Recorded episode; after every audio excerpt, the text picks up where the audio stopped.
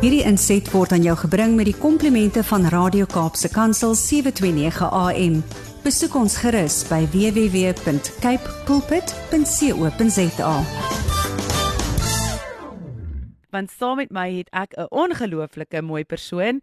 Ehm um, Gerda, jy is een van die mooiste mense wat ek al gesien het en is my so lekker. Jy het so jy het so gees en so net so ongelooflike vervulde gees aan jou en so mooi mens wees en dankie dat jy saam kuier. So as jy nie weet hoe Gerda lyk nie, Gerda is saam met my op Facebook en dit is so lekker en ons Gerda is 'n kliniese sielkundige van Somerset Wes en ons praat elke maand het ons 'n tema waaroor ons gesels en dan ehm um, gee Gerda vir ons net soveel inligting. Ek hang letterlik aan haar lippe elke week as ons praat want dit is so relevant vir haar sy gesels en ons het hierdie maand gepraat oor verandering. Goeiemôre Gerda. Môre Andri, dis lekker om saam te kuier. Ja, dis so lekker om jou saam te hê. Ek het ver oggend toe die son nog geskyn het toe ek uit Stellenbosch uit ry. Nou nou toe reën dit. So hierdie um, ek het gehoop ons het al 'n verandering in die weerspatrone aan hierdie kant, maar um, ek pas nog aan. Oor 'n maand behoort ek dalk vir almal te sê ek begin verstaan hoe hierdie Kaapse weer werk. Mhm. Andrea, ek moet vir jou sê, ehm um, jy wat nou van die noorde af kom, die eerste 3 jaar in die Kaap, het ek hier teen Oktober, November verskriklik depressief begin raak, want die winter hou nie op nie. En ek het in Johannesburg groot geraak, waar op 1 September is dit lente. So suster, dis 'n paar jaar se aanpak. Dis goed jy sê my want ehm um, ons praat juis oor verandering in hierdie maand en dit is so ongelooflik hoe elke ding wat jy gepraat het ek so kon ehm um, weet aan aanklank vind by wat jy presies wat jy gesê het want as mens deur verandering moet gaan is dit moeilik. Dit is ek ja. dink een van die moeilikste goed wat jy moet doen is om uit jou uit jou ek gaan nou die Engels woord comfort zone te klim en letterlik vir jouself te kan sê maar ek moet letterlik kyk hoe ek my verandering gaan begin begin meebring en ek dink as ons 'n samevatting van dit kan vat net ehm um, gaan dan net so 'n bietjie oor waaroor het jy hierdie maand met ons gesels Ja, Andri, so verandering is eintlik in ons almal se lewe ongelooflik relevant. En die afgelope paar jare dink ek het ons veranderingspotensiaal geweldig uitgedaag met die hele COVID situasie, mense moes van werke verander, werksomstandighede het verander. En as mense Maak nie saak hoe lief jy is vir nuwe dinge nie. Is verandering altyd uitdagend. Dit dit dit bring 'n skommeling in jou siege mee wat ons nie noodwendig altyd voorspel nie en wat ons nie noodwendig altyd dink um ons ons kan nie sien dit gaan kom nie. Maar ons gaan almal op 'n stadium in ons lewe deur verandering, of jy nou van huis verander, of jy nou moet trek na 'n nuwe dorp toe, of dan die verandering wat verlies saambring, die die afsterwe van 'n familielid of 'n lewensmaat. So verandering is vir my baie relevant. Nou wanneer ons deur verandering gaan, maar ons navigeer dit nie baie effektief nie, dan kan 'n mens ontwikkel wat ek genoem het in ek dink die tweede week is 'n aanpassingsversteuring. Waar die verandering en jou jou reaksie op die verandering so geweldig is dat jy later in psigologiese distress gaan. So jy kry die simptome van major depressie, jy kan angstig raak, jou slaappatroon raak versteurd. En dit is belangrik om dan te identifiseer wat die sneller was, daai trigger, reg? Wat bygedra het daartoe dat jy hierdie geweldige skommeling in jou siege beleef. Maar die goeie nuus is dat ons kan verandering ook effektief deurmaak. En en ek dink dit is wat ek wil bring as as 'n boodskap van hoop is dat ons kan as gelowiges en as mense regtig verandering we can get through it and get stronger through the other side. Um verandering gaan hand aan hand met resilience, reg?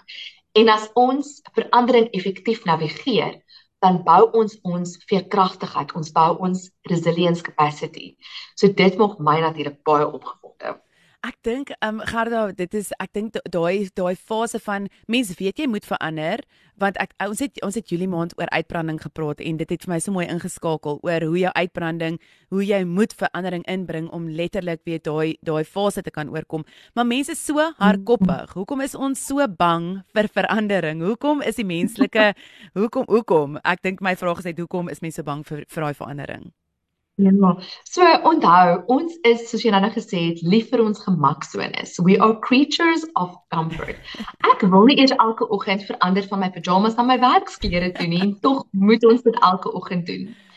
Ehm um, Verandering kan geweldig oor dit kan oorweldigend voel. Reg, dit kan vir jou voel asof jy weet nie wat aan die ander kant van daai tonnel is nie. En ek wil amper die metafoor gebruik van, jy weet, 'n tonnel waar jy moet deur beweeg. Jy kan stop en jy kan halfpad omdraai en terug deur beweeg, maar jy gaan waarskynlik in die aankomende verkeer in beweeg. Dit is belangrik vir jou om deur daai tonnel te kom en te sien hoe lyk die ander kant, maar as dit onbekend is en ons weet nie wat dit behels nie, dan is ons geneig om versigtig te wees of bang te wees vir verandering. En ons is maar so van die begin af. Um kindertjies is ook bang vir verandering. Hulle sal dit maklik wys as dit kom by goed so skeiingsangs of so. Dis alles transisionele vrees. Vrees vir die verlies van dit wat vir my gemaklik en maklik is, nou dit wat onbekend is. Maar dit is so belangrik vir ons om tog deur daai proses te gaan. Ek wil amper sê ons kan die proses baie meer gesond deurmaak as ons ons arms oopgooi en dit embrace. As ons sê ons duik daarin en ons voel die pyn en ons voel die ongemak, maar ons laat onsself toe om ook daardeur gemould te word, verander te word.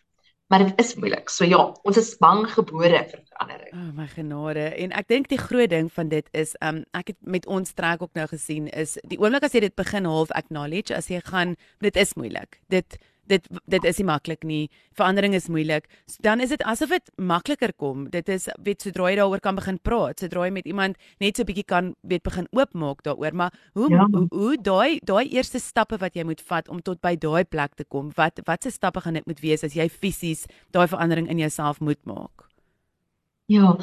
So dis belangrik vir jou om eintlik half bietjie elke nou en dan 'n barometer van emosies op jouself uit te oefen vra vir jouself, weet, wat is hierdie reaksie, hierdie respons wat ek nou het? Dikwels in jou liggaam, jy gaan miskien voel jou hart klop vinnig en jy sukkel om te slaap of jou eetpatroon raak te mekaar. Is om te stop en vir jouself te vra, waaroor gaan hierdie? Wat is hierdie regtig? En dan om iemand wat jy vertrou, met wie jy kan praat, wat jy weet nie veroordelend is nie, te kan nader hark en sê, ek dink ek is bang vir die verandering of ons is in 'n proses van verandering en dit is vir my moeilik. Jy weet 'n goeie vriendin van my het 'n paar maande gelede haar man verloor. Hmm. En dit was baie skielik en baie onverwags. En vir my was dit so swaar om te sien hoe sy gevoel het dat samelewing van haar verwag that she must just snap back en sy moet net weer op haar pos wees en sy moet net weer beskikbaar wees. En ons is saam in 'n sentrum, saam in 'n kantoor, ehm um, of in 'n 'n kantoorkompleks en wat vir my so swaar was was dat van haar kliënte daag op en dan is hulle ontstel wanneer sy 'n bietjie laat is of vergeet het van 'n afspraak, wel wetend sy het so pas 'n paar weke gelede haar man verloor. Hmm. En en om te sien hoe sy die laaste paar maande deur die proses gaan van aanvaar en van kan sê dit is nie maklik nie, dit is moeilik. Hoe dit vir haar bevrydend geraak het. Ons moet onthou ons vrees om te erken dat ons dat dit met ons goed gaan nie is sal ek dit nou sê. Dit is 'n 'n societal construct, reg? Dis ons samelewing wat vir ons sê, nee, jy moet net okay wees, just bounce back, just get back into it. Maar verandering werk nie so nie. Verandering is 'n proses. En as ons bietjie meer grace met onsself kan hê, kan ons dalk 'n bietjie meer grace hê met die persoon langs ons. En kan ons verandering en en veranderingsaanpassingsprobleme begin normaliseer en sê weet jy wat is oukei. Okay. Dis oukei okay dat dit nie vir jou maklik is om net 'n nuwe mamma te wees nie of dis oukei okay vir jou om jou voete te vind in hierdie nuwe werk. En ons glorify as 'n samelewing regtig vir um daai fake it till you make it tipe ding. En en dis baie toksiek. Dis nie 'n gesonde uitkyk nie. Nee, verseker. Gaan ons het 'n vraagie van Junay af en sy vra mense so gestel op jou eie lewe en hoe jy dinge doen. Wat is die drie belangrikste eerste stappe wat 'n mens moet vat vir daai verandering? Goed, so eerstens, Junay, is dit om te erken dat jy verandering nodig het. So met ander woorde om te gaan sit en te sê reg, Hierdie is hoekom die verandering gaan plaasvind. Dit is nou wanneer jy verandering kan beheer. Okay. Waar jy verandering nie kan beheer nie, is die eerste stap net om te acknowledge dat my lewe het nou verander. Die tweede stap is om jou emosies daaroor te verstaan en om te sê, okay, hierdie is wat ek voel, hierdie is wat dit hoe dit my impakteer En die derde stap is om vir jouself 'n gemaklike, voorspelbare ritme te vestig. Iets wat dieselfde is. So as jy iemand is byvoorbeeld wat elke oggend opgestaan het en gaan draf het en nou trek jy na 'n nuwe dorp toe, hou aan om elke dag te gaan draf. Jy kan nie beheer dat jy nou in 'n nuwe dorp of omgewing is nie, maar jy kan jou daaglikse ritme en patroon kan jy handhaaf. Um probeer in jou slaappatroon en jou slaapritmes en rotines so dieselfde as moontlik hou. En as jy jou hele gesin moet navigeer deur verandering, is dit ook die beste raad wat ek vir jou kan gee. Hou dit wat jy kan beheer, dit wat jy voorspelbaar kan maak, so voorspelbaar as moontlik. Alles rondom jou kan verander, maar jou kernwaardes, jou kernmenswees, dit bly dieselfde. En daarom kan jy uiterlike goed soos dit ek wil sê gebruik en manipuleer om jou eintlik te baat en om jou te help om deur die verandering te kom. Ehm um, dankie ehm um, Gerda dit is baie waardevol daai wat jy sê want ek het dit ook besef as jy net jou as jy net beheer kan vat van die goed wat jy beheer oor het maar partykeer val mens dan nou totaal en al in 'n beheer van iets wat jy ehm um, jy begin so to totaal en al beheer net oor dit wat dat jy eintlik nie deur jou veranderingsproses gaan nie so mens moet seker versigtig wees vir dit ook nou nê nee. daai balans Absoluut Ja, maar dis hoekom die tweede stap is, is ken jou emosies oor dit. Verstaan ook 'n bietjie want daai beheer ding, um, as dit oormatig raak, is daar waarskynlik 'n emosie van angs wat onder dit lê. Hmm. En daarom moet jy jy moet eers identifiseer hoe voel ek hieroor? En as ek eerlik is met myself, hoe voel ek regtig hieroor? Jy weet, gaan 'n laagie dieper en dan kan jy sê, goed, hierdie is wat ek dieselfde kan hou, maar hierdie is wat ek moet leer om my hande van af te haal. Laaste vraagie dink ek hier van Marinda af sy vra, is dit nodig om iemand soos 'n sielkundige te sien vir hierdie verandering of kan 'n mens net eenvoudig met vriendinne ook daaroor praat? Wat wat is jou voorstel hieroor, Gerda? Die voordeel van 'n sielkundige of 'n beraader sien is dat jy weet jy stap in 'n spasie in of jy hoop jy stap in 'n spasie in waar daar nie oordeel is nie. En soms kan 'n mens se vriende goed sê, hulle bedoel dit goed, maar dit voel dalk soos oordeel. As iemand byvoorbeeld vir jou sê, "Nee man, jy moet net weet jy wat is 'n great ding. Hierdie verandering is reguit van die Here af. Jy moet dit net embrace. Stap net en nee man, kom kom kom. Jy weet mos wat sê die Bybel." Dan stap jy daar weg en jy voel, "Ag. Oh, dis mooi raad, dis die regte raad."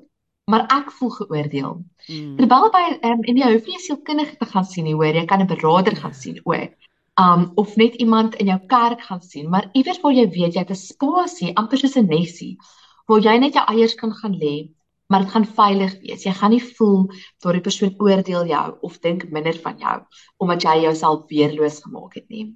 Jo, ehm um, ja, Gerda, hierdie is regtig so so waardevol en ek wil vir jou dankie sê vir jou hart en dat jy regtig in die gees net eenvoudig weet waaroor jy moet praat en wanneer jy daaroor moet praat. Ek dink daar's soveel mense wat heel eers aan uitbranding gelei het en nie eers geweet het dis dit nie en nou in 'n veranderingsproses kon ingaan en kan weet maar dit is die stappe wat ek volgende moet vat. En ek is so opgewonde om oor September te gesels en um net so 'n bietjie uit te brei. Ek weet nie of jy so lank ietsie wil sê oor September waaroor ons gaan gesels of jy so 'n bietjie kat uit die sak uit wil laat nie. Ja. Ek kan Andri ek's baie opgewonde daaroor. Ek het ook regtig baie mooi gedink daaroor en en gebid daaroor en um die tema vir September is verwerping.